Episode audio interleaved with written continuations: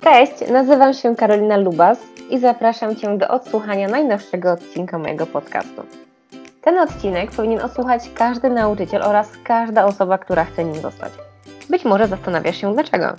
Wraz z Ewą Jankowską, nauczycielką z 13-letnim stażem, poruszamy bardzo aktualne w tym momencie tematy związane z problemami w obecnym systemie edukacji.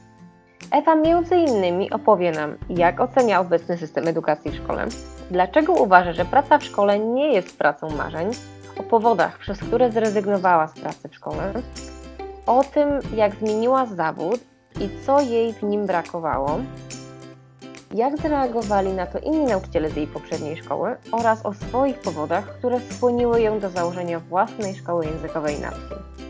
Jeśli chciałbyś usłyszeć historię osoby, która postanowiła zrobić w swoim życiu zawodowym, ale i nie tylko rewolucję, serdecznie zapraszam do odsłuchania.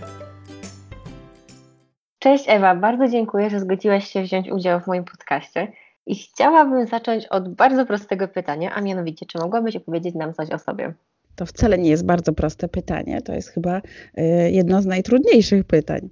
Jeżeli bym powiedziała, że cześć, jestem Ewa Jankowska, jestem nauczycielem języka angielskiego, ostatnio policzyłam, że chyba to już będzie 13 lat, to w zasadzie y, będzie nuda i nie wiem, czy ktoś będzie chciał nas y, słuchać.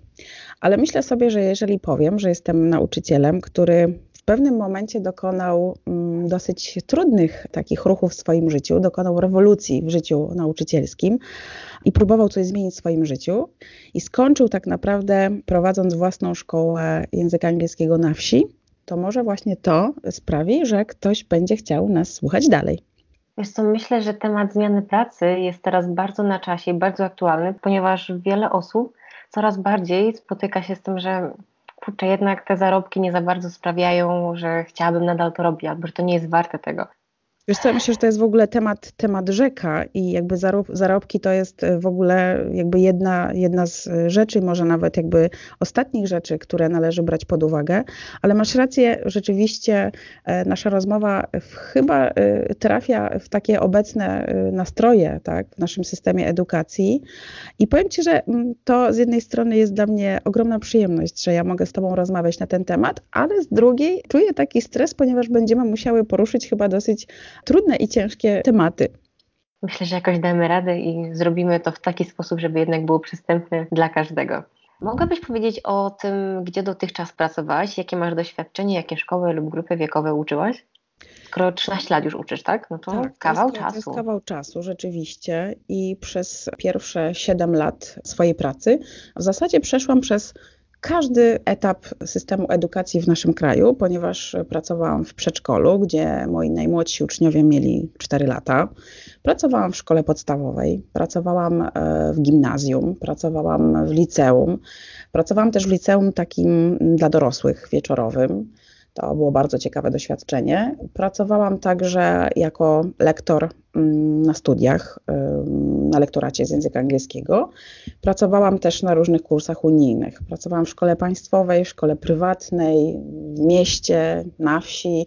No i wreszcie też y, pracuję y, na swoim własnym garnuszku, y, w swojej własnej szkole. Także praktycznie przez każdy etap przeszłam. A w której grupie i na którym etapie czułaś się najlepiej? To jest bardzo trudne pytanie, wiesz, dlatego że no, ja mówię o sobie, że jestem takim nauczycielem od przedszkola do Opola, tak, ponieważ y, mój najmłodszy uczeń miał 4 lata, najstarszy to była taka pani po 60. W tej chwili w mojej szkole jest bardzo podobnie, bo też najmłodsza uczennica ma 4 lata, mm, tacy najstarsi uczniowie to są tacy państwo 50 plus. I to jest rzeczywiście taki du dosyć duży przestrzał e, wiekowy, ale też jakby każda grupa tych uczniów charakteryzuje się mm, innymi cechami. I ja kocham swoich uczniów tak naprawdę właśnie za to, że oni są tak e, różnorodni. To jest trudne pytanie, dlatego że z jednej strony, wiesz, najlepiej pracuje mi się e, z nastolatkami, bo to jest taka grupa, która po pierwsze, że oni często są już na takim poziomie, że możemy sobie fajnie podyskutować na różne tematy Oni mogą opowiedzieć mi o swoich wizjach na przyszłość, o tym, jak widzą na przykład to, co będzie się działo y, na świecie za kilkanaście, kilkadziesiąt lat i mogą to zrobić oczywiście w języku obcym. Oni mogą czasem powiedzieć też o swoich e, problemach. Oni są bardzo kreatywni, są bardzo otwarci, no, są po prostu fantastyczni, ale to też jest taka grupa, która dosyć stresuje, bo najczęściej przygotowujemy ich jednak do różnych egzaminów, tak? Matura na przykład i to jest trudna grupa. Kocham też e, dorosłych.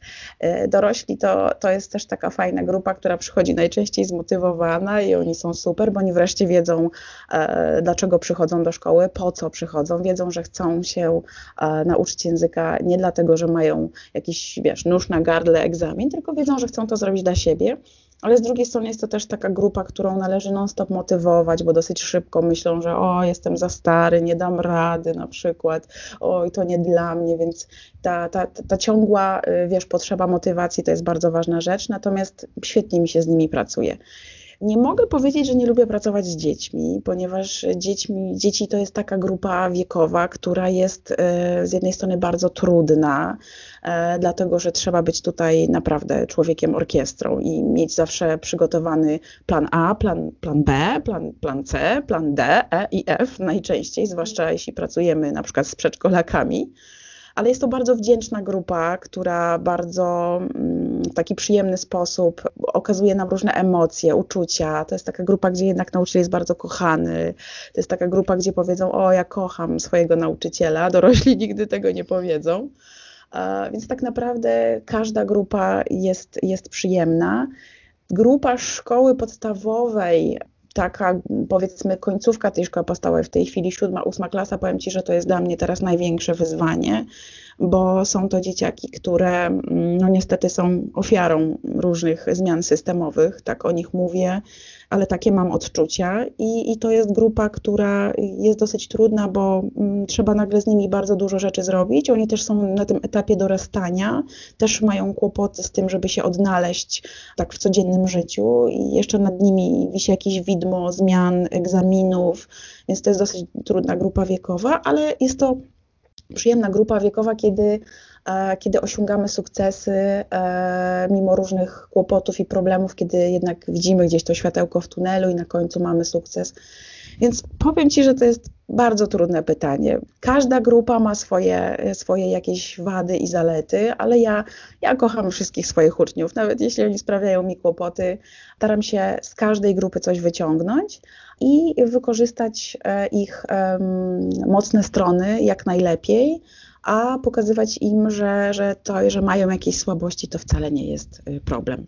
Czyli jednym słowem masz czas dla nich i pokazujesz im zrozumienie, okazujesz im szacunek i budujesz z nimi jakieś też fajne relacje. To jest bardzo, bardzo miłe z Twojej strony i myślę, że tego czasem brakuje w szkole państwowej. Bardzo, wiesz, bardzo. Powiem Ci, y, przyznaję się bez bicia, teraz już nie pracuję w szkole państwowej, więc y, mogę chyba o tym y, otwarcie powiedzieć, ale zdarzało mi się często, kiedy szłam na lekcje, i oczywiście wiadomo, każdy nauczyciel, jak idzie na lekcję, ma jakiś plan, tak?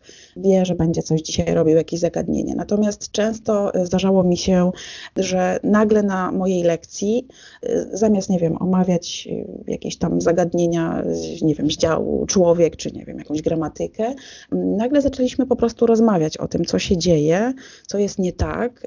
Ja czasem śmieję się z siebie, że jestem taka, wiesz, dobra ciocia, która y, każdego wysłucha.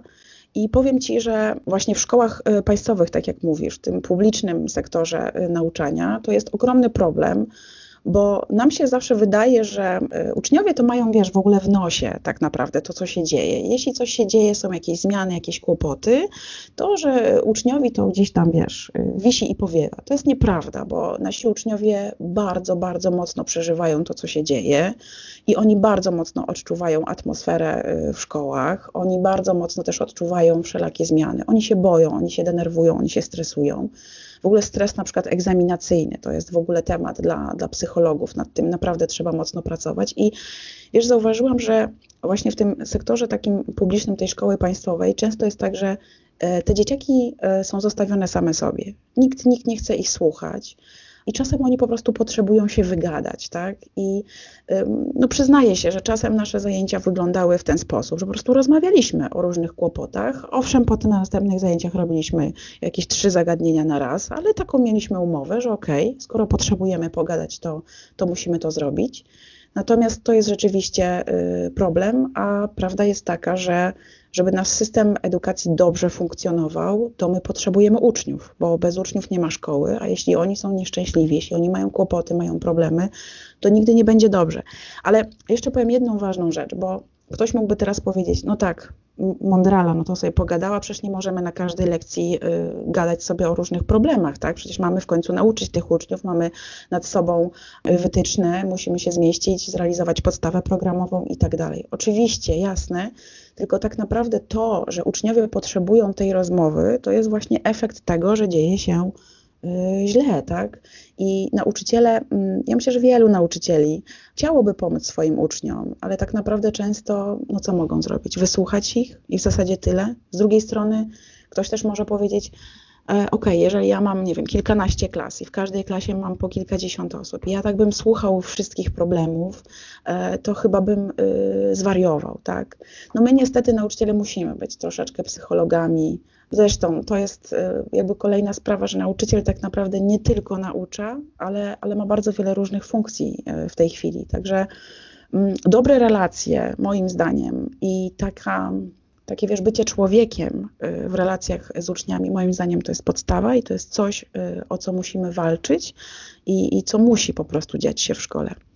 Z tego, co mówisz, wychodzi na to, że praca w szkole państwowej nie do końca jest taką wymarzoną pracą, którą zazwyczaj na studiach wszyscy studenci uważają za coś, za coś wymarzonego. Zresztą może nie tylko studenci, ale też osoby, które w szkole nie pracują, bo przecież mamy wakacje, przecież mamy ferie, przecież mamy tyle wolnego, przecież my mało pracujemy, bo nasz czas godzin pracy to jest 18 godzin, żeby mieć pełny etat, gdzie powiedzmy normalna praca jest to chyba 40 nie wiem, jak za bardzo ugryźć ten temat, żeby też pokazać, że okej, okay, bycie nauczycielem to nie jest tylko, że fajne lekcje, fajna, fajne zagadnienia, fajni uczniowie, ale to jest też masa obowiązków i problemów, które za tym idą właśnie takie osoby jak ty, które y, wiesz, prowadzą bloga, które są kreatywne, które y, dzielą się pomysłami i między innymi właśnie ta nasza rozmowa, prowadzenie podcastów i mówienie o tym tak naprawdę, jak wygląda nasz system edukacji od kuchni, moim zdaniem to jest bardzo, bardzo ważna rzecz. My musimy o tym mówić, ponieważ mam takie wrażenie, że albo nikt nie wie tak naprawdę, jak to wygląda, albo wszyscy wiedzą, ale udają, że,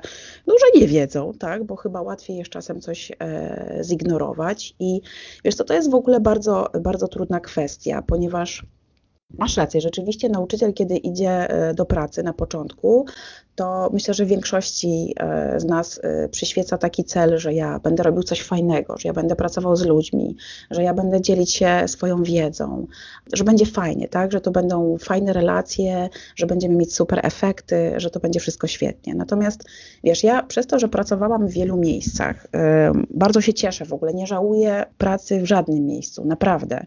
Wszystkie, wszystkie te szkoły, wszystkie te miejsca, dały mi e, naprawdę bardzo, bardzo dużo. Ja jestem taką osobą, która, wiesz, lubi analizować e, różne rzeczy. Ja też jestem taką bardzo emocjonalną osobą. Bardzo podchodzę do różnych rzeczy, e, może zbyt, zbyt emocjonalnie. Za dużo wkładam w to uczuć, natomiast ja przechodząc przez każdy etap tak naprawdę nauczania w naszym kraju, każdego z tych miejsc y, no, wyciągałam jakieś y, wnioski. I masz rację. W pewnym momencie doszłam do wniosku, że praca y, w szkole, zwłaszcza w szkole państwowej, to nie jest wymarzone miejsce dla nauczyciela. Ja miałam takie wrażenie w pewnym momencie, że ja jestem chyba, wiesz, z jakiejś innej planety, jak, że ja kompletnie po prostu do tego systemu um, nie pasuję. Tak? Myślałam, że, że będę mogła pracować z uczniem, że będę mogła poświęcać mu dużo czasu, że, że w zasadzie no, będę nauczycielem. Okazało się, że muszę tak naprawdę robić stertę rzeczy, które są kompletnie niezwiązane y, z nauczaniem. Wiesz, ja jestem taką osobą, która lubi sobie coś wizualizować. Ja ostatnio sobie myślałam, jak ja wyobrażam sobie system edukacji w naszym kraju. I dla mnie to jest taka strasznie wielka jakaś machina, która y, składa się z takich y, wielkich elementów, jakichś takich, wiesz, trybów, kół zębatych, które są po prostu wielkie, ale już takie jakieś stare, przepracowane i one tak, wiesz, ledwo zipią, ale jednak idą. Gdzieś tam niżej są jakieś takie y, tryby, którymi jesteśmy my nauczyciele, tak? Potem jeszcze takie mniejsze gdzieś tam te trybiki, no to są oczywiście uczniowie, o których nie możemy zapominać, bo oni, oni są tutaj naprawdę najważniejsi. I tak naprawdę do tej maszyny ciągle się coś dokłada, ciągle jakiś ciężar, ciągle coś następnego, jakieś elementy, które mam wrażenie, że kompletnie do tej machiny nie pasują. I to tak naprawdę, wiesz, jakoś tam funkcjonuje, no bo u nas tak jest w naszym systemie edukacji, że jakoś to będzie, tak? Niby wiemy, że coś tutaj nie gra, ale jakoś sobie nauczyciele y, poradzą, uczniowie sobie jakoś poradzą. Najsmutniejsze w tym wszystkim jest to, że ta cała machina stoi na nóżkach, które dla mnie są takie cieniuteńkie, w zasadzie jak zapałki. My nie mamy takich naprawdę super fundamentów e, w systemie edukacji, zwłaszcza tym e, publicznym. I to wszystko, wiesz, tak chwieje się, ledwo zipie, no ale jeszcze gdzieś tam jest coś dokładane, dokładane, jakoś to będzie. I wokół tej machiny tak naprawdę stoją ludzie, którzy przyglądają się temu wszystkiemu, no i widzą, że coś jest źle, ale tak naprawdę no czasem ktoś mówi, no może bym tu coś przykręcił, jakąś śrubkę, może bym coś tam naprawił, ale w większości przypadków a, niech to tam sobie jakoś tam się, wiesz, telepie i niech, niech idzie do przodu. I ja tu tak widzę, że system edukacji to po prostu są odgórne decyzje ludzi, którzy nie wiem, czy nigdy nie pracowali w szkołach, państwowych, czy po prostu robią jakieś zmiany, po to chyba, żeby tylko i wyłącznie coś zmienić, ale to są właśnie te klocki niepasujące, bo bardzo często te wszystkie jakieś, wiesz, rozporządzenia, różne rzeczy, narzucane rzeczy w naszym systemie, to są rzeczy, które kompletnie one nie działają właśnie w tym sektorze państwowym. I tak naprawdę te mniejsze trybiki to są nauczyciele, które muszą pracować w tej machinie. Nieważne, że tam coś, wiesz, nie łączy się, nie działa, no muszą coś z tym zrobić. To się tak naprawdę odbija potem oczywiście na tych najmniejszych elementach i najważniejszych tak naprawdę, czyli na naszych uczniach. A ci ludzie to społeczeństwo, które nas ocenia. My niestety, Polacy, mamy taką mentalność, mam takie wrażenie, że lubimy mówić o tym, co jest złe. I najczęściej nauczyciele y, są oceniani przez społeczeństwo bardzo mocno, tak? Nam, nam się patrzy na ręce, tak? Co się dzieje w ogóle w szkole. I jesteśmy przez to bardzo krytykowani i zawód nauczyciela w tej chwili no, no wybacz, ale y, mam nadzieję, że nie zdarzyło ci się to często, ale jak ktoś, nie wiem, rozmawiasz z kimś, na przykład ktoś pyta, kim jesteś z zawodu nauczycielem, no to tak jak mówisz, a to wy macie 18 godzin, tak? I nic y, poza tym tak, wy nic nie robicie, y, macie wakacje, tak, i w zasadzie, no, czym wy się w tej szkole tam y, zajmujecie? Praktycznie niczym, tak? Natomiast okazuje się, że to właśnie na nauczycieli spada tak naprawdę ta odpowiedzialność, e, to wszystko za to, co, co my musimy zrobić, tak? Bo system edukacji powinien być priorytetem w naszym kraju. To powinno być coś, co powinno być wiesz, tak wychuchane, wydmuchane, dopieszczone dosłownie do, do, do, wiesz, do granic możliwości, to musi wszystko świetnie funkcjonować, bo to my, nauczyciele, my y, jesteśmy odpowiedzialni za to, jak będzie wyglądać nasze przyszłe społeczeństwo, tak? Bo to my kształcimy tych wszystkich Kowalskich, Nowaków, Kwaśniewskich i wszystkich innych. I tak naprawdę ludzie nas oceniają, ponieważ no, my jesteśmy odpowiedzialni za, za przyszłość y, naszych obywateli, tak? I wiesz, może się rozgadałam, ale wiesz, to jest w ogóle temat, który wywołuje u mnie y, ogromne, naprawdę ogromne emocje. I może za chwilę powiem coś, co niekoniecznie każdemu się y, spodoba, ale mam wrażenie, że w tej sytuacji, kiedy nauczyciele są przytłoczeni ilością y, obowiązków, stresu, pracy w szkole, o czym, o czym się nie mówi, bo nie mówi się w ogóle o, wiesz, o pracy od kuchni, tak? Nie mówi się, co się dzieje w szkole, a moim zdaniem trzeba. I właśnie takie osoby, które prowadzą na przykład blogi, mogą coś zrobić i moim zdaniem powinny rozmawiać na te tematy. Nie chodzi o to, wiesz, żeby siedzieć i się wyżalać, bo siedzenie i wyżalanie tak naprawdę nic y, nie zmieni, tak? My musimy zacząć działać, my musimy zacząć współpracować, my musimy pokazywać ludziom, pokazywać społeczeństwu, że my potrzebujemy tej pomocy, my potrzebujemy tej współpracy, że tak naprawdę oni muszą zobaczyć, że to, co dzieje się w szkołach, no, nie jest dobre, że nauczyciel tak naprawdę chciałby wiele rzeczy zmienić. To nie jest tak, że mamy nauczycieli, którzy nic nie robią. Mamy mnóstwo kreatywnych, fantastycznych osób. To widać po ilości blogów na przykład, co widać po osobach, które naprawdę dzielą się swoimi pomysłami, które pokazują, że chcą, żeby ta nauka była super. Natomiast wiesz, jak idziesz do pracy, nieważne, czy jesteś nauczycielem, czy jakim, jakąśkolwiek inną osobą, i, I tak naprawdę w tej pracy, y, no co, nie ma super atmosfery, bo ja rozmawiam ze znajomymi nadal, którzy pracują w szkołach państwowych. Ja mówię, słuchajcie, i co, co u was? Weź nie pytaj, najczęściej jest. I okazuje się, że tak naprawdę to, że są trudni uczniowie, to jest tak naprawdę kropla w morzu, ponieważ okazuje się, że jest straszna atmosfera w szkołach. Ludzie patrzą na siebie, wiesz, na zasadzie o matko, żeby on czasem nie był lepszy, tak, bo nie chce być gorszy, tak, y, żeby czasem się nie wychylił, czegoś nie zrobił. Często i też ta współpraca z dyrekcją jest, jest słaba, tak.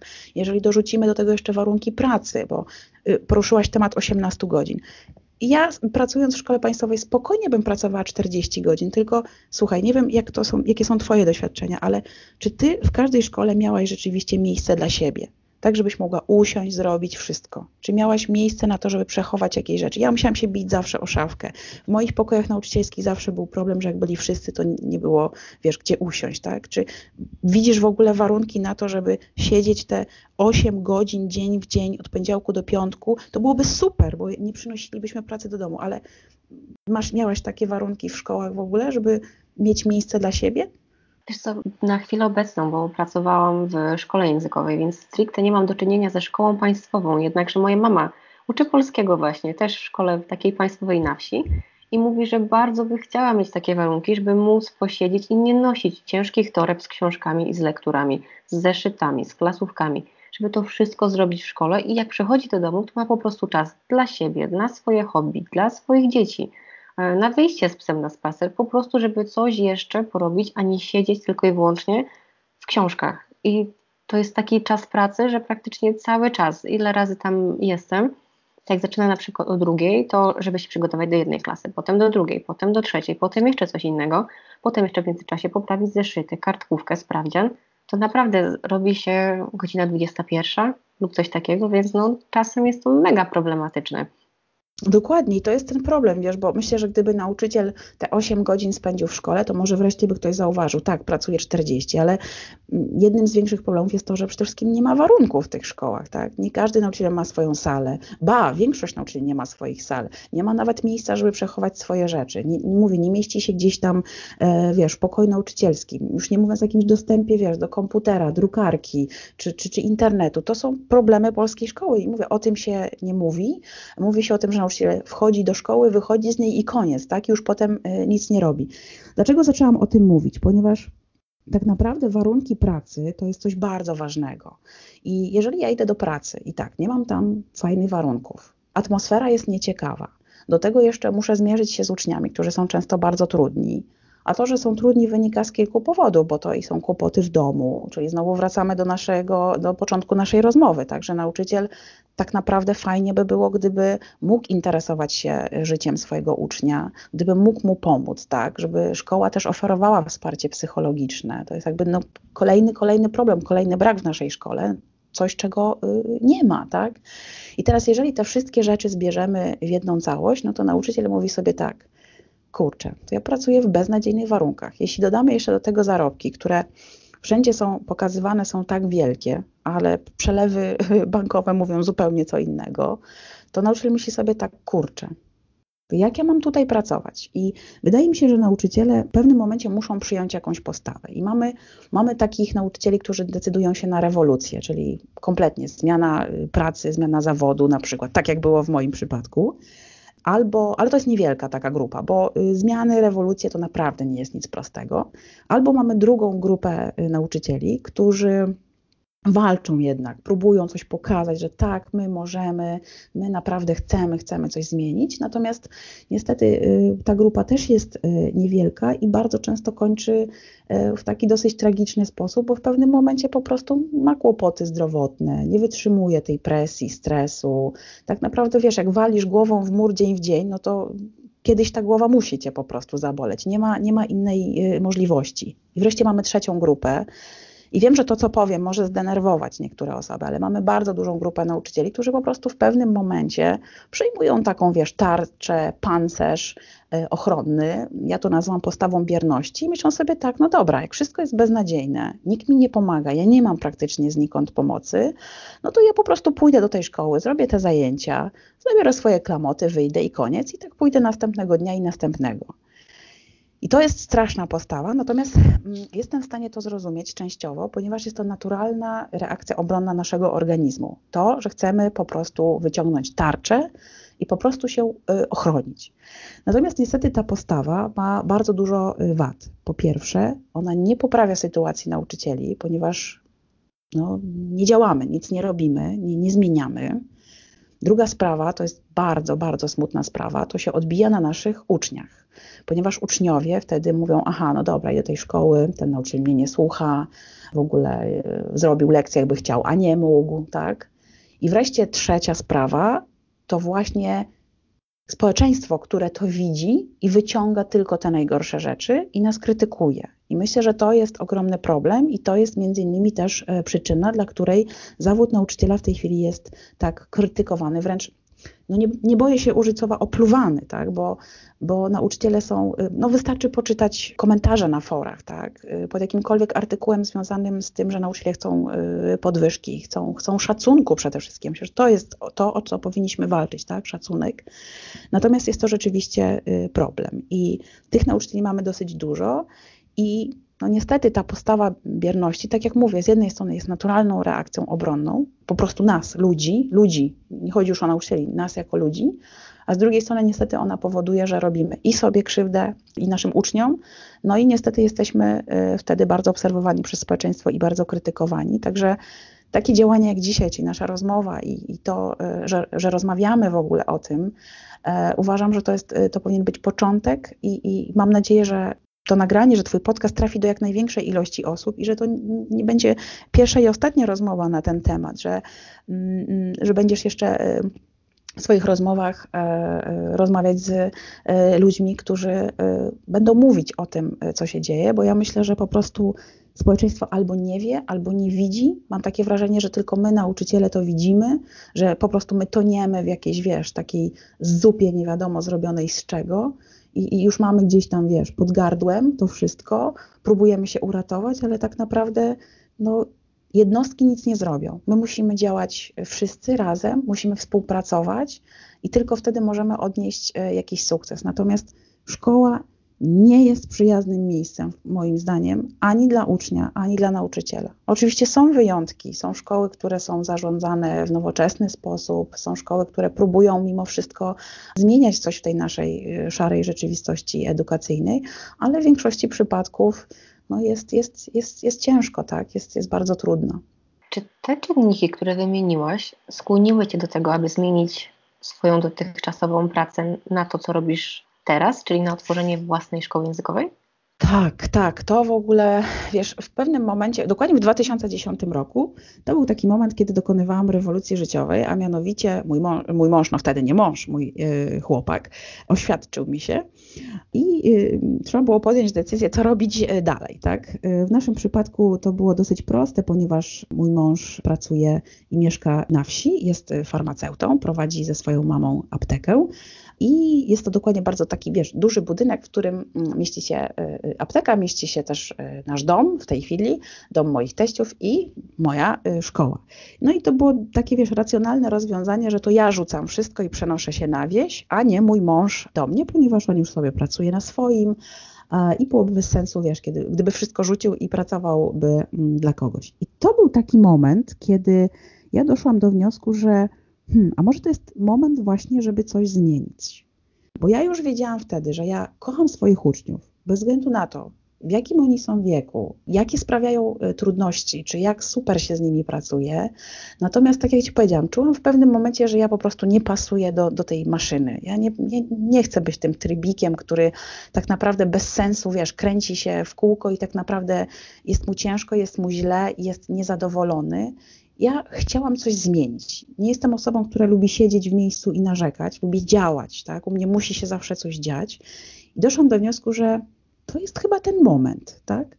I wymyśliłam sobie wtedy że tak dla, wiesz, własnej psychiki i zdrowia mm, będę mieć jakoś odskocznie. Wymyśliłam sobie, że w ogóle zdobędę kolejny zawód. I w moim przypadku to był technik farmaceutyczny. O, wow! Tak, byłam, ja jestem, tak, to jest mój kolejny zawód. I wiesz, będąc już e, magistrem filologii angielskiej, będąc już nauczycielem, który pracował ileś tam lat, wymyśliłam sobie, że zdobędę kolejny zawód. Może nie od razu doszłam do wniosku, że wiesz, rzucam wszystko, bo mi się nie podoba i w ogóle, dlatego że, tak jak, tak jak przed chwilą powiedziałam, ja wiedziałam, że ja kocham uczyć. Moją pasją jest angielski. Ja, ja uwielbiam pracować z ludźmi. I, i, I, ciężko mi było nagle powiedzieć sobie, dobra, rzucam to wszystko, bo wiesz, już ileś lat pracowałam, już coś widziałam i to nie jest takie proste, więc myślę, że nauczyciele, którzy mm, w tej chwili y, są właśnie w takim punkcie i myślą sobie, no ale to co ja mam zrobić? Mam to rzucić wszystko? Słuchajcie, może tak, może trzeba, może, mo, może trzeba zrobić właśnie jakąś rewolucję. Ja nie mówię, że będzie łatwo, bo w moim przypadku nie było łatwo. I przeprowadzając się na wieś, jedno, na wieś jednocześnie y, zapisałam się do studium farmaceutycznego. Mój mąż był bardzo przeciwny tej decyzji. To nie jest tak, że wiesz, wymyśliłam sobie i nagle wszyscy mówią, o hura, ale wymyśliłaś.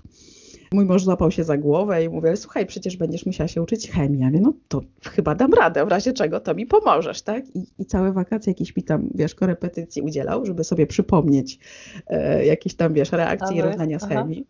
Mój, e, mój e, lekarz pierwszego kontaktu, który wystawiał mi e, takie zaświadczenie, wiesz, do podjęcia nauki w danym zawodzie, mówi, pani Ewo, ale no gdzie, filologia angielska i mówi farmacja? Ja się wtedy uśmiechnęłam, byłam bardzo zdeterminowana, wtedy mówię, panie doktorze, jeszcze pan zobaczy, przyjdę do pana z super świadectwem, z dyplomem, damy radę, tak? A w mojej szkole, słuchaj, to w ogóle była reakcja, która mnie po prostu zaskoczyła, bo ja myślałam sobie, że ludzie powiedzą, e, co ty robisz, w ogóle, gdzie, chcesz rzucić wszystko, a powiem ci, że reakcja grona pedagogicznego była taka, że oni mnie potraktowali trochę jak jakąś bohaterkę, tak? Że wow, jaka ty jesteś odważna, że ty chcesz coś zmienić, wiesz?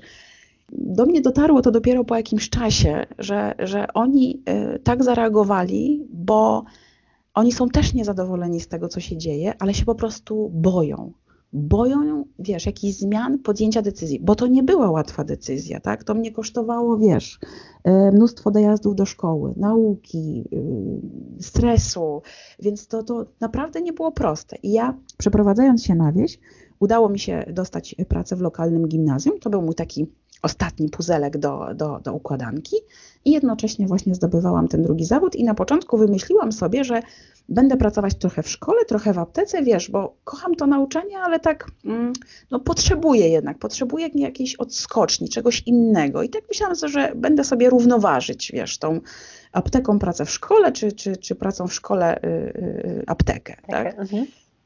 I w pewnym momencie niestety musiałam dokonać bardzo drastycznego, y, bardzo drastycznego kroku. Trudną decyzję musiałam podjąć, ponieważ tak się złożyło, że w pewnym momencie musiałam rzucić pracę w szkole i to w połowie roku szkolnego.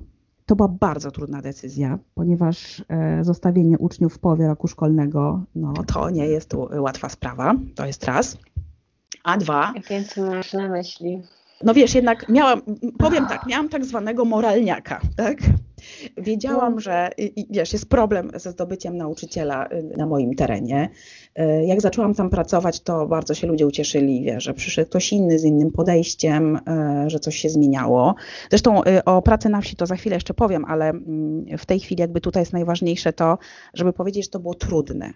Mówię o tym dlatego, że ktoś to nas słucha i, i też zastanawia się nad tym, co zrobić, czy nie rzucić pracy w szkole, e, bo boi się, że to będzie trudna decyzja, to słuchajcie, to będzie trudna decyzja. I, I, wierzę w to, że też możecie mieć tak zwany kac moralny, tak jak ja, czyli możecie sobie przez moment myśleć, kurczę, czy ja dobrze zrobiłam, ja zostawiłam te dzieciaki. Ja jeszcze zostawiłam je w połowie roku szkolnego, tak, po pierwszym semestrze.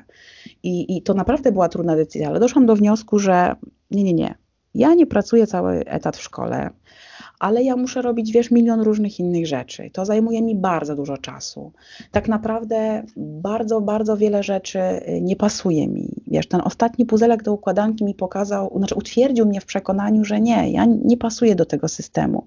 To teraz musiałabym Ci opowiadać o wariactwach po prostu pracy na wsi, ale masz mamę, która pracuje e, w szkole na wsi, więc, więc pewnie częściowo wiesz o różnych kłopotach i e, kto pracuje na wsi, to też wie, to są zupełnie inne warunki pracy. Ja o tym jeszcze powiem za chwilkę. Natomiast no, to zmusiło mnie do podjęcia bardzo trudnej decyzji, a mianowicie rzucenia y, pracy w szkole. I to był taki moment, kiedy jeszcze nie mogłam pracować w aptece. No i co, być bezrobotną? Hmm, no trochę bez sensu, prawda? To wymyśliłam sobie, a może by tak założyć szkołę języka angielskiego na wsi.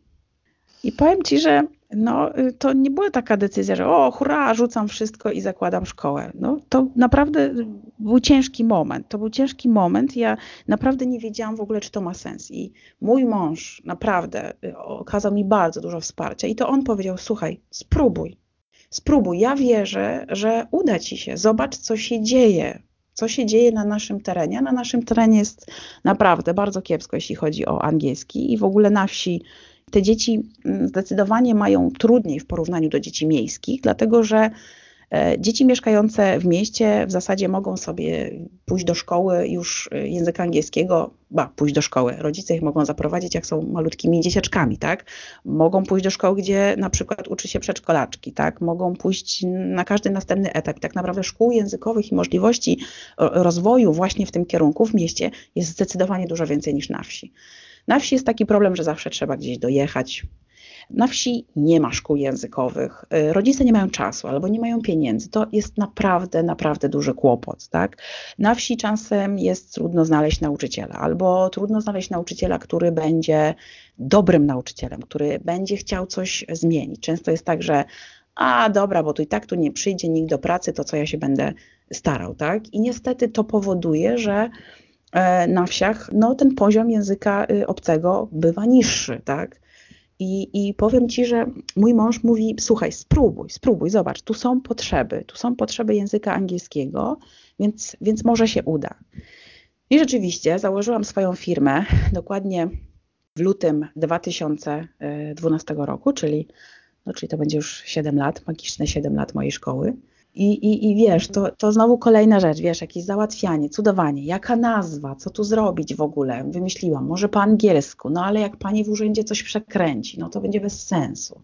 W ogóle co, co tu w ogóle, co w ogóle zrobić? Dobra, wymyśliłam, że nazwę swoją firmę y, y, Ewa Jankowska, usługi edukacyjne, bo takie usługi będę świadczyć, tak?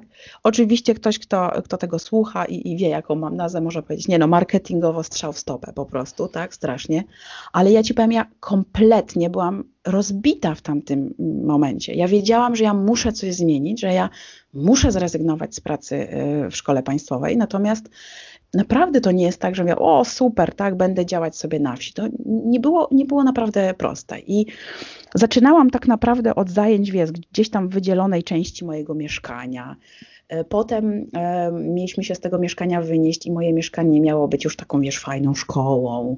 E, miało być wszystko super, ale się okazało na przykład, że moja szkoła musiała się stać przez moment domem dla mojej mamy na przykład.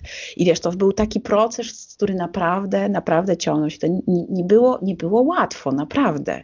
Więc jeśli ktoś się zastanawia nad tym, czy założyć własną działalność, własną szkołę, to słuchajcie, jeżeli jesteście niezadowoleni z tego, w jakich warunkach pracujecie, no to spróbujcie albo chociaż spróbujcie pracować przez moment, nie wiem, czy w innym miejscu, czy w innym zawodzie.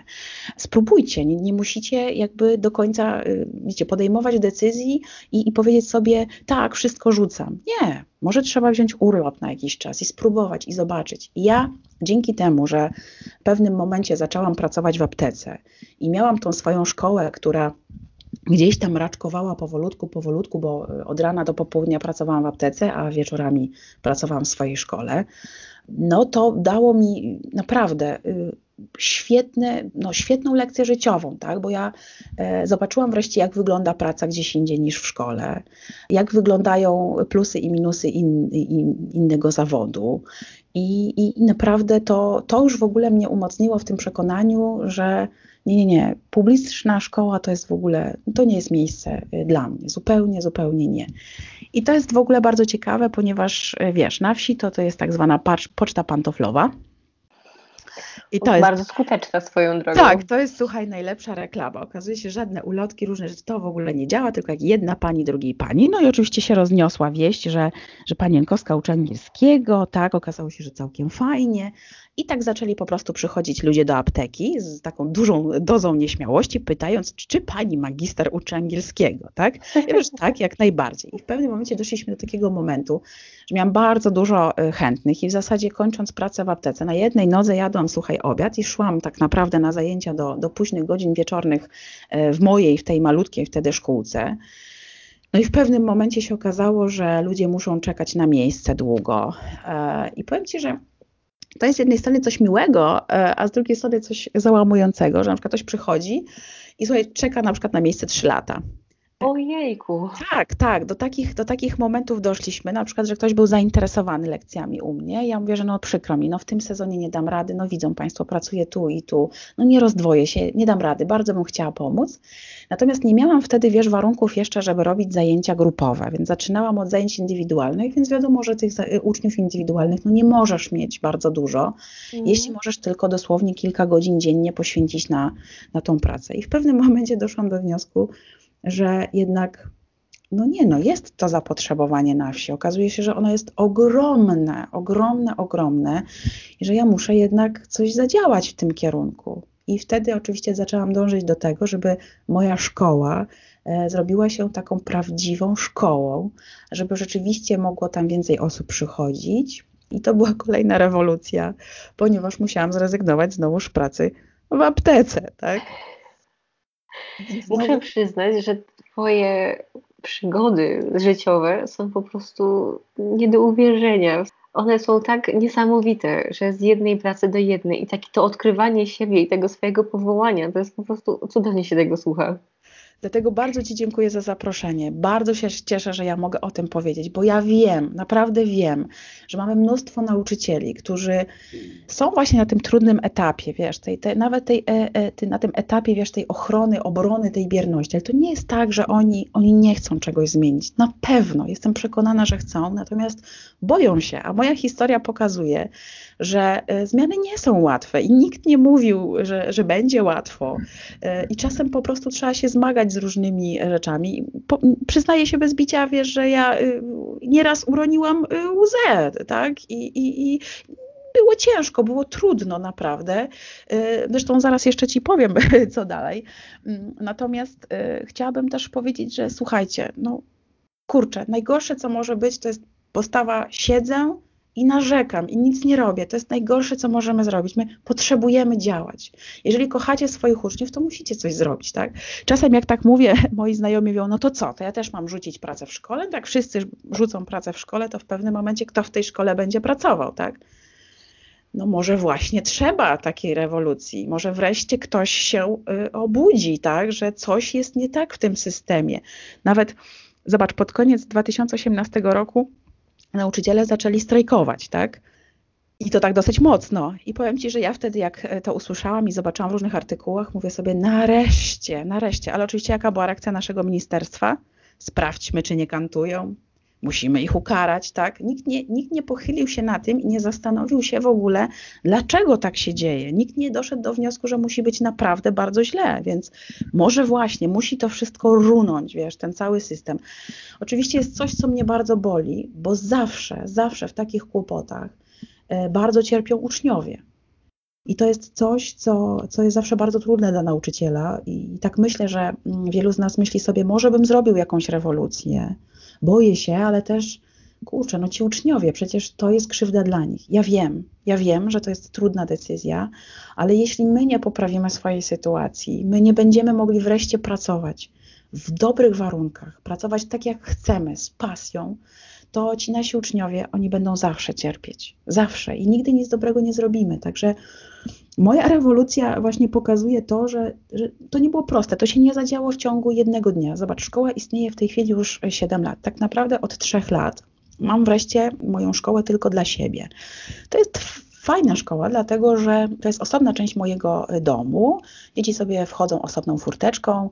Mm, jest oczywiście y, sala, są, y, są, jest, jest toaleta, jest wszystko. Okazało się, że to mieszkanie jest super, tylko trzeba było je jakoś tam, wiesz, przekonwertować. Ja myślę sobie tak, dobra, mamy szkołę na wsi, mamy wreszcie ten lokal, to musimy zadziałać. I ja wymyśliłam sobie, że zrobimy wszystko super, wiesz, tak na najlepszym poziomie, bo ja cały czas próbuję walczyć ze stereotypem, że na wsi jest gorzej. I w zasadzie jedną z pierwszych rzeczy, którą zrobiłam, to za uciłane pieniądze kupiłam monitor interaktywny. I powiedziałam sobie tak, na wsi musi być super, musi być technologia, musi być ekstra, bo wyobraź sobie na przykład, że jest bardzo wiele różnych y, kursów, na przykład dla uczniów, gdzie, nie wiem, ćwiczenia mogą być w wersji online, jest bardzo dużo różnych rzeczy. okazuje się na przykład, że wielu uczniów y, na wsi nie ma dostępu do internetu. Mają tam jakiś, wiesz, pakiecik w telefonie i to jest koniec, więc wcale nie mają sprawnego superkomputera w domu, wcale nie mają dostępu do tego internetu, więc ta technologia, my mamy XXI wiek, a naprawdę w wielu domach, w wielu miejscach ta technologia jest bardzo no, ograniczona, no niestety, ale tak jest. Więc ja wymyśliłam sobie, że ale u mnie ona będzie, u mnie będzie fajnie, u mnie będzie nowocześnie. Potem zaczęłam, wiesz, powolutku ciułać na kolejne rzeczy, tak, czyli na jakieś tam, wiesz, krzesła, stoły. Ja do tej pory, jak idę na jakieś zakupy sobie coś kupić, to patrzę, o, fajna kredka, o, fajny marker, o, fajne coś, dobra, biorę dla moich uczniów, tak? Ja tak chcę, żeby było y, komfortowo i mm, zaczęłam powolutku, powolutku to wszystko urządzać i tak naprawdę dopiero w te wakacje, czyli zobacz, po prawie siedmiu latach zrobiłam ogromny, generalny remont mojej szkoły.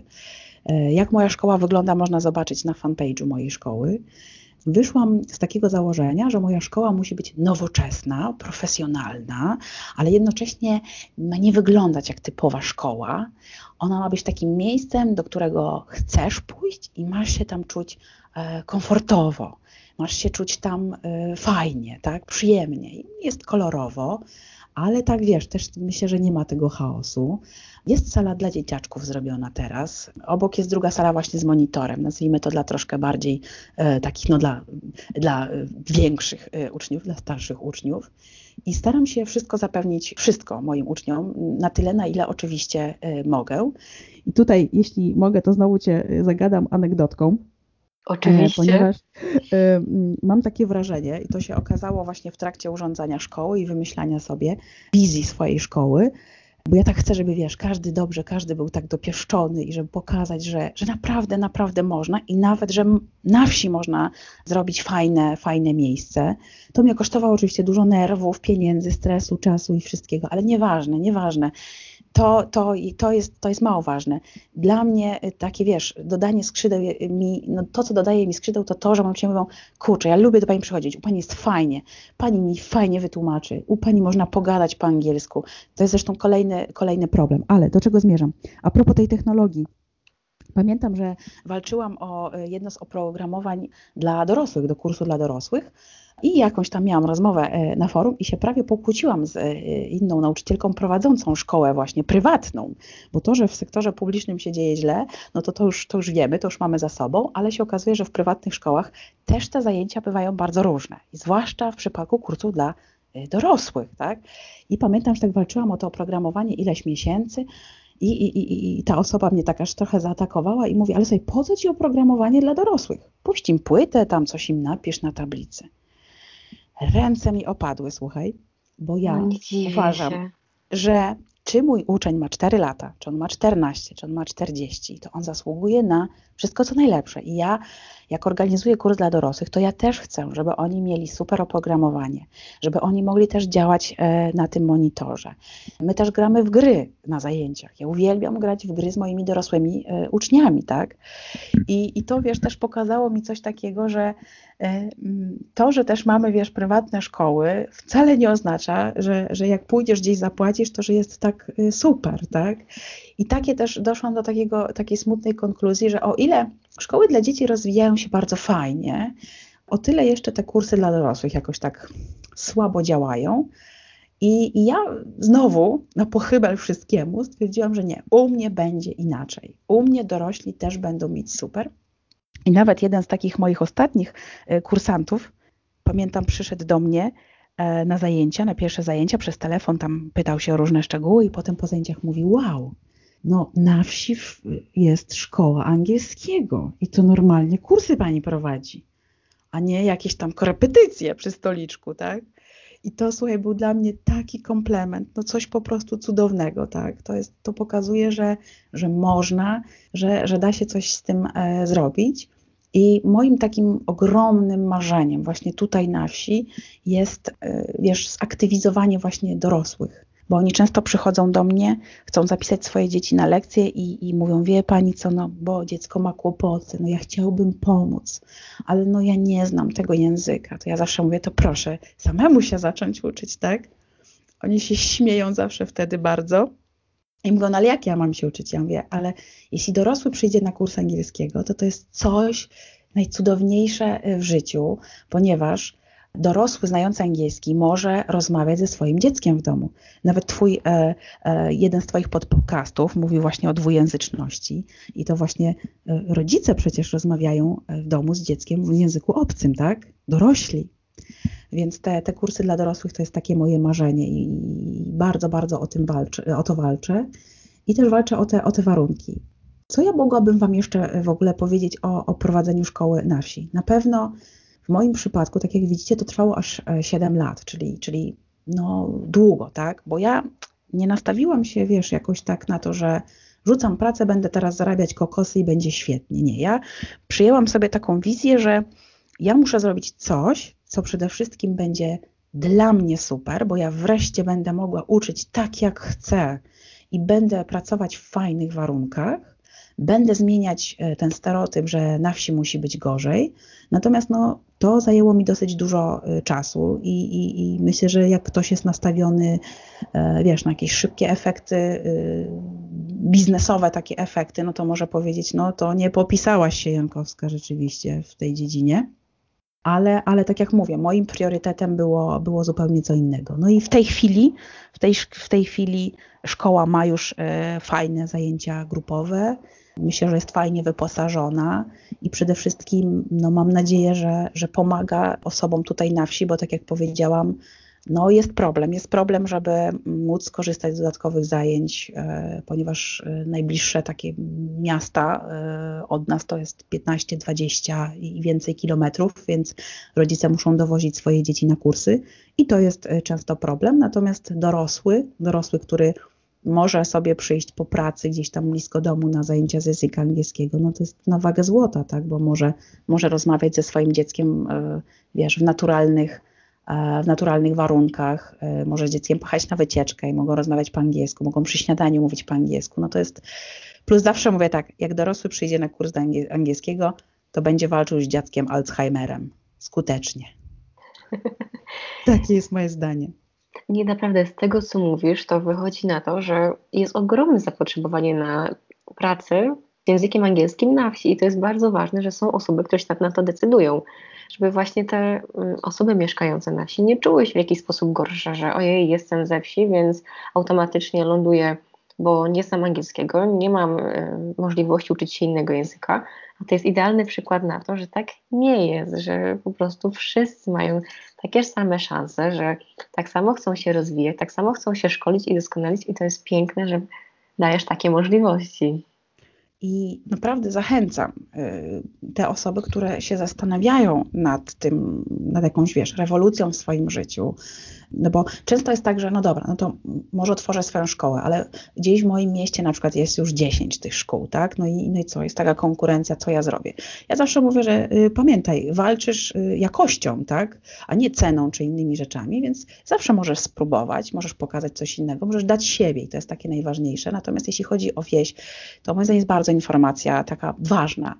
Jeżeli zastanawiacie się właśnie nad tworzeniem szkoły, myślicie, a może gdzieś na wsi, nie wahajcie się naprawdę, bo uwierzcie mi, że to zapotrzebowanie jest, jest, jest ogromne, naprawdę. I ono, to, to nie jest oczywiście tak, że tutaj, wiesz, ja teraz Ci opowiadam o super fajnych rzeczach y, w pracy na wsi. Y, oczywiście było wiele, y, wiele różnych dziwnych, trudnych sytuacji, wylanych łez i, i różnych cudów tak naprawdę. To, to nie jest tylko tak różowo. E, trzeba było się też szarpać w wielu, wielu sytuacjach um, i pokazać różne rzeczy. Natomiast nie mówmy o tym złym, mówmy o tym, o tym dobrym i przede wszystkim zachęcajmy do tego, żeby wyjść właśnie do ludzi na wsi, tak? Tak jak mówię, to może nie zadziałać się tak szybko, bo na przykład mam w tej chwili fantastyczne dwie grupy dorosłych, które sobie y, przychodzą na kursy do mnie od maja, ale wyobraź sobie, że ja zanim ruszyłam z tymi kursami, to ja szukałam tych ludzi pół roku. Trochę długo Pół czasu. roku. Dokładnie. I ktoś na przykład ze względu takich marketingowych, biznesowych mógłby powiedzieć, no to świetnie, to przez pół roku już można umrzeć, prawda? Natomiast ja y, doszłam do wniosku, że ja nie chcę ruszać z byle jakim kursem. Ja chcę mieć ludzi, którzy, z którymi naprawdę stworzę coś fajnego. I ja mam fantastycznych ludzi na tych kursach. I widzisz, praca na wsi też, wiesz, otworzenie szkoły na wsi wiąże się też z dużą taką dozą, wiesz, cierpliwości, tak? Bo tak jak, tak jak powiedziałam przed chwilą, to jest, to jest naprawdę długo czas, to jest długi czas, no pół roku, ale wiesz, ja sobie coś tam działałam, stwierdziłam, ok, jakoś tam mi się dzieje, y, spoko, do pierwszego mi starcza, to jest najważniejsze. I działamy, działamy w tym kierunku, żeby spełnić swoje marzenia. A czasem to spełnienie marzeń, widzisz, no, nie przekłada się tak na pieniądze od razu i, i, i zajmuje nam trochę czasu. Natomiast no, Naprawdę, to są tak cudowne osoby w tej chwili. Tak się cieszę z tych kursów. No i zajęło to bardzo dużo czasu, także otwierając szkołę na wsi, no trzeba się liczyć jednak z tym, że właśnie nie zbierze nam się nagle grupa kilkudziesięciu osób do szkoły na kursy. Może to nam zająć trochę więcej czasu. Może być trudniej znaleźć pewną grupę wiekową. Czy jeśli ktoś na przykład kocha uczyć dorosłych, no to z dorosłymi jest jednak najtrudniej na wsi, tak? Najwięcej jest chętnych y, w postaci dzieci i nastolatków, bo tak jak mówię, rodzice pierwsze co, to wysyłają swoje dziecko, tak? Bo chcą mu pomóc, chcą, żeby było dobrze. Natomiast jeśli y, szukamy tych dorosłych, to może być trochę dłużej. Natomiast ja ze swojego doświadczenia powiem tak, warto. Warto było czekać, warto było aż tak naprawdę 7 lat rozwijać tą szkołę, żeby osiągnąć to, co jest w tej chwili. I, I, to jest takie spełnienie moich marzeń, naprawdę. Ja wreszcie robię to co, to, co lubię, to, co kocham. Ja mam fantastyczne osoby. Ja mam uczniów też z ogromnymi problemami, bo no, trzeba o tym powiedzieć. Niestety, ale przez to, że ten dostęp do dodatkowych zajęć jest bardzo trudny, to ja mam bardzo dużo uczniów, którzy przychodzą do mnie z ogromnymi zaległościami, ogromnymi problemami. Oni na przykład uczą się już 5, 6, 7 lat języka angielskiego i oni kompletnie nie potrafią y, rozmawiać w tym języku. I to jest dramat totalny. Nie radzą sobie w szkole, wiesz. Yy, nauczyciel idzie dalej z materiałem, no bo nie ma wyjścia, tak musi być, prawda? A tutaj jakieś zaległości. I w pewnym momencie, jak przychodzi do ciebie taki uczeń z szóstej, siódmej klasy, to zastanawiasz się, co ty masz robić z nim, bo on jest na poziomie pierwszej na przykład, tak? Więc praca na wsi też to jest tak naprawdę walka z tymi zaległościami. To jest, to jest, to jest trudna walka, tak naprawdę ciężka.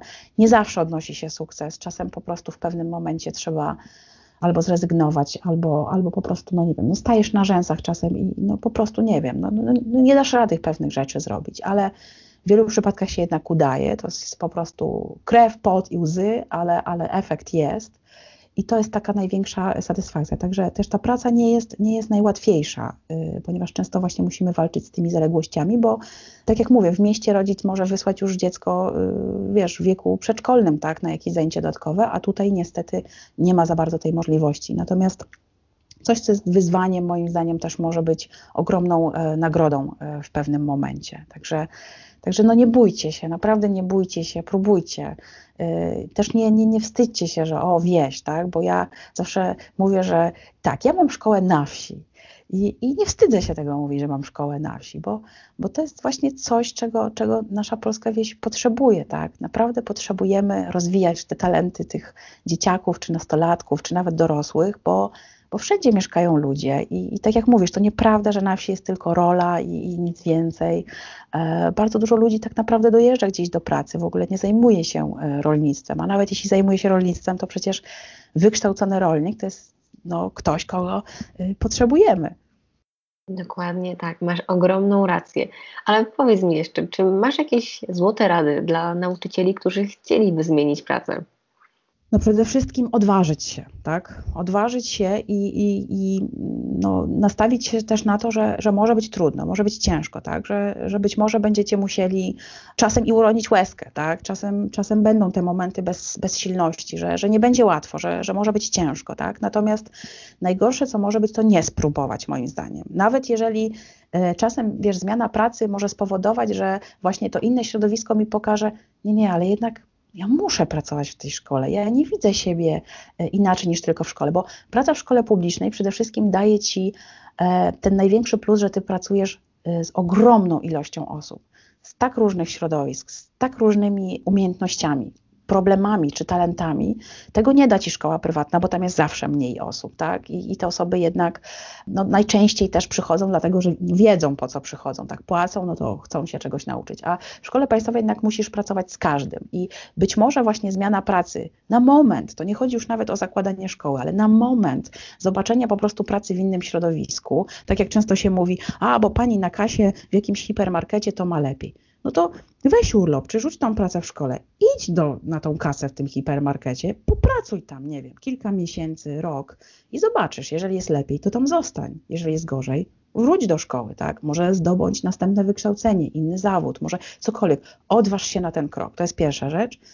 Druga sprawa, myślę, no to ta cierpliwość, tak, tak jak widzisz, no u mnie to trwało dużo czasu i rzeczywiście tylko ta cierpliwość i ten spokój to e, pomogło mi osiągnąć e, to, co osiągnęłam. Także nie oczekujmy od razu natychmiastowych efektów. Jeśli oczywiście one przyjdą e, szybciej, no to super, to po prostu ja trzymam kciuki, żebyście nie musieli tak długo walczyć z tym wszystkim jak ja, ale, ale no, trzeba się uzbroić jednak w tą cierpliwość. No i kolejna rzecz, ważna rzecz, to no, nie, nie odrzucajmy opcji wsi, tak?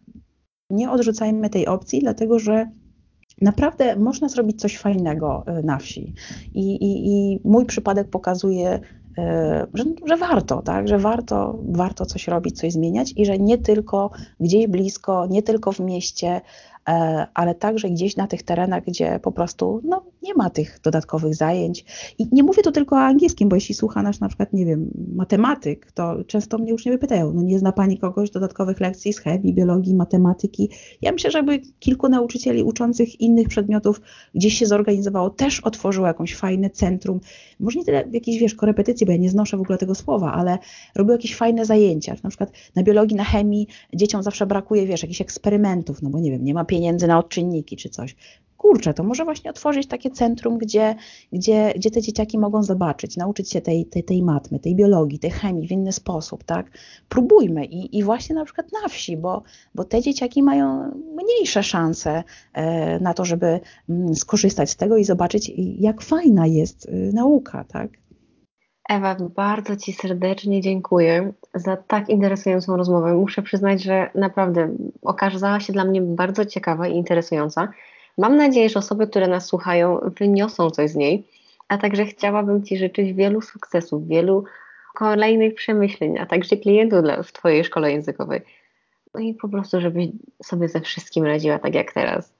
To ja Ci dziękuję naprawdę za zaproszenie i mam nadzieję, że ktoś wytrwa słuchanie e, długość e, tej naszej rozmowy i że nie zanudziłam i że, i że nie powiedziałam czegoś tam chaotycznie, ale jeśli oczywiście ktoś ma ochotę wpaść na wieś na kawę, czy w ogóle odezwać się do mnie i pogadać, e, jeśli mogłabym jeszcze w jakiś, jakiś sposób pomóc, to, to kurczę, to zapraszam, no nie krępujcie się w ogóle. Ja nie mówię oczywiście, że to, co u mnie się zdarzyło i dokładnie tak, jak u mnie to było, że będzie tak u każdego, natomiast to, co chciałabym najważniejszego przekazać w tej rozmowie, rozmowie.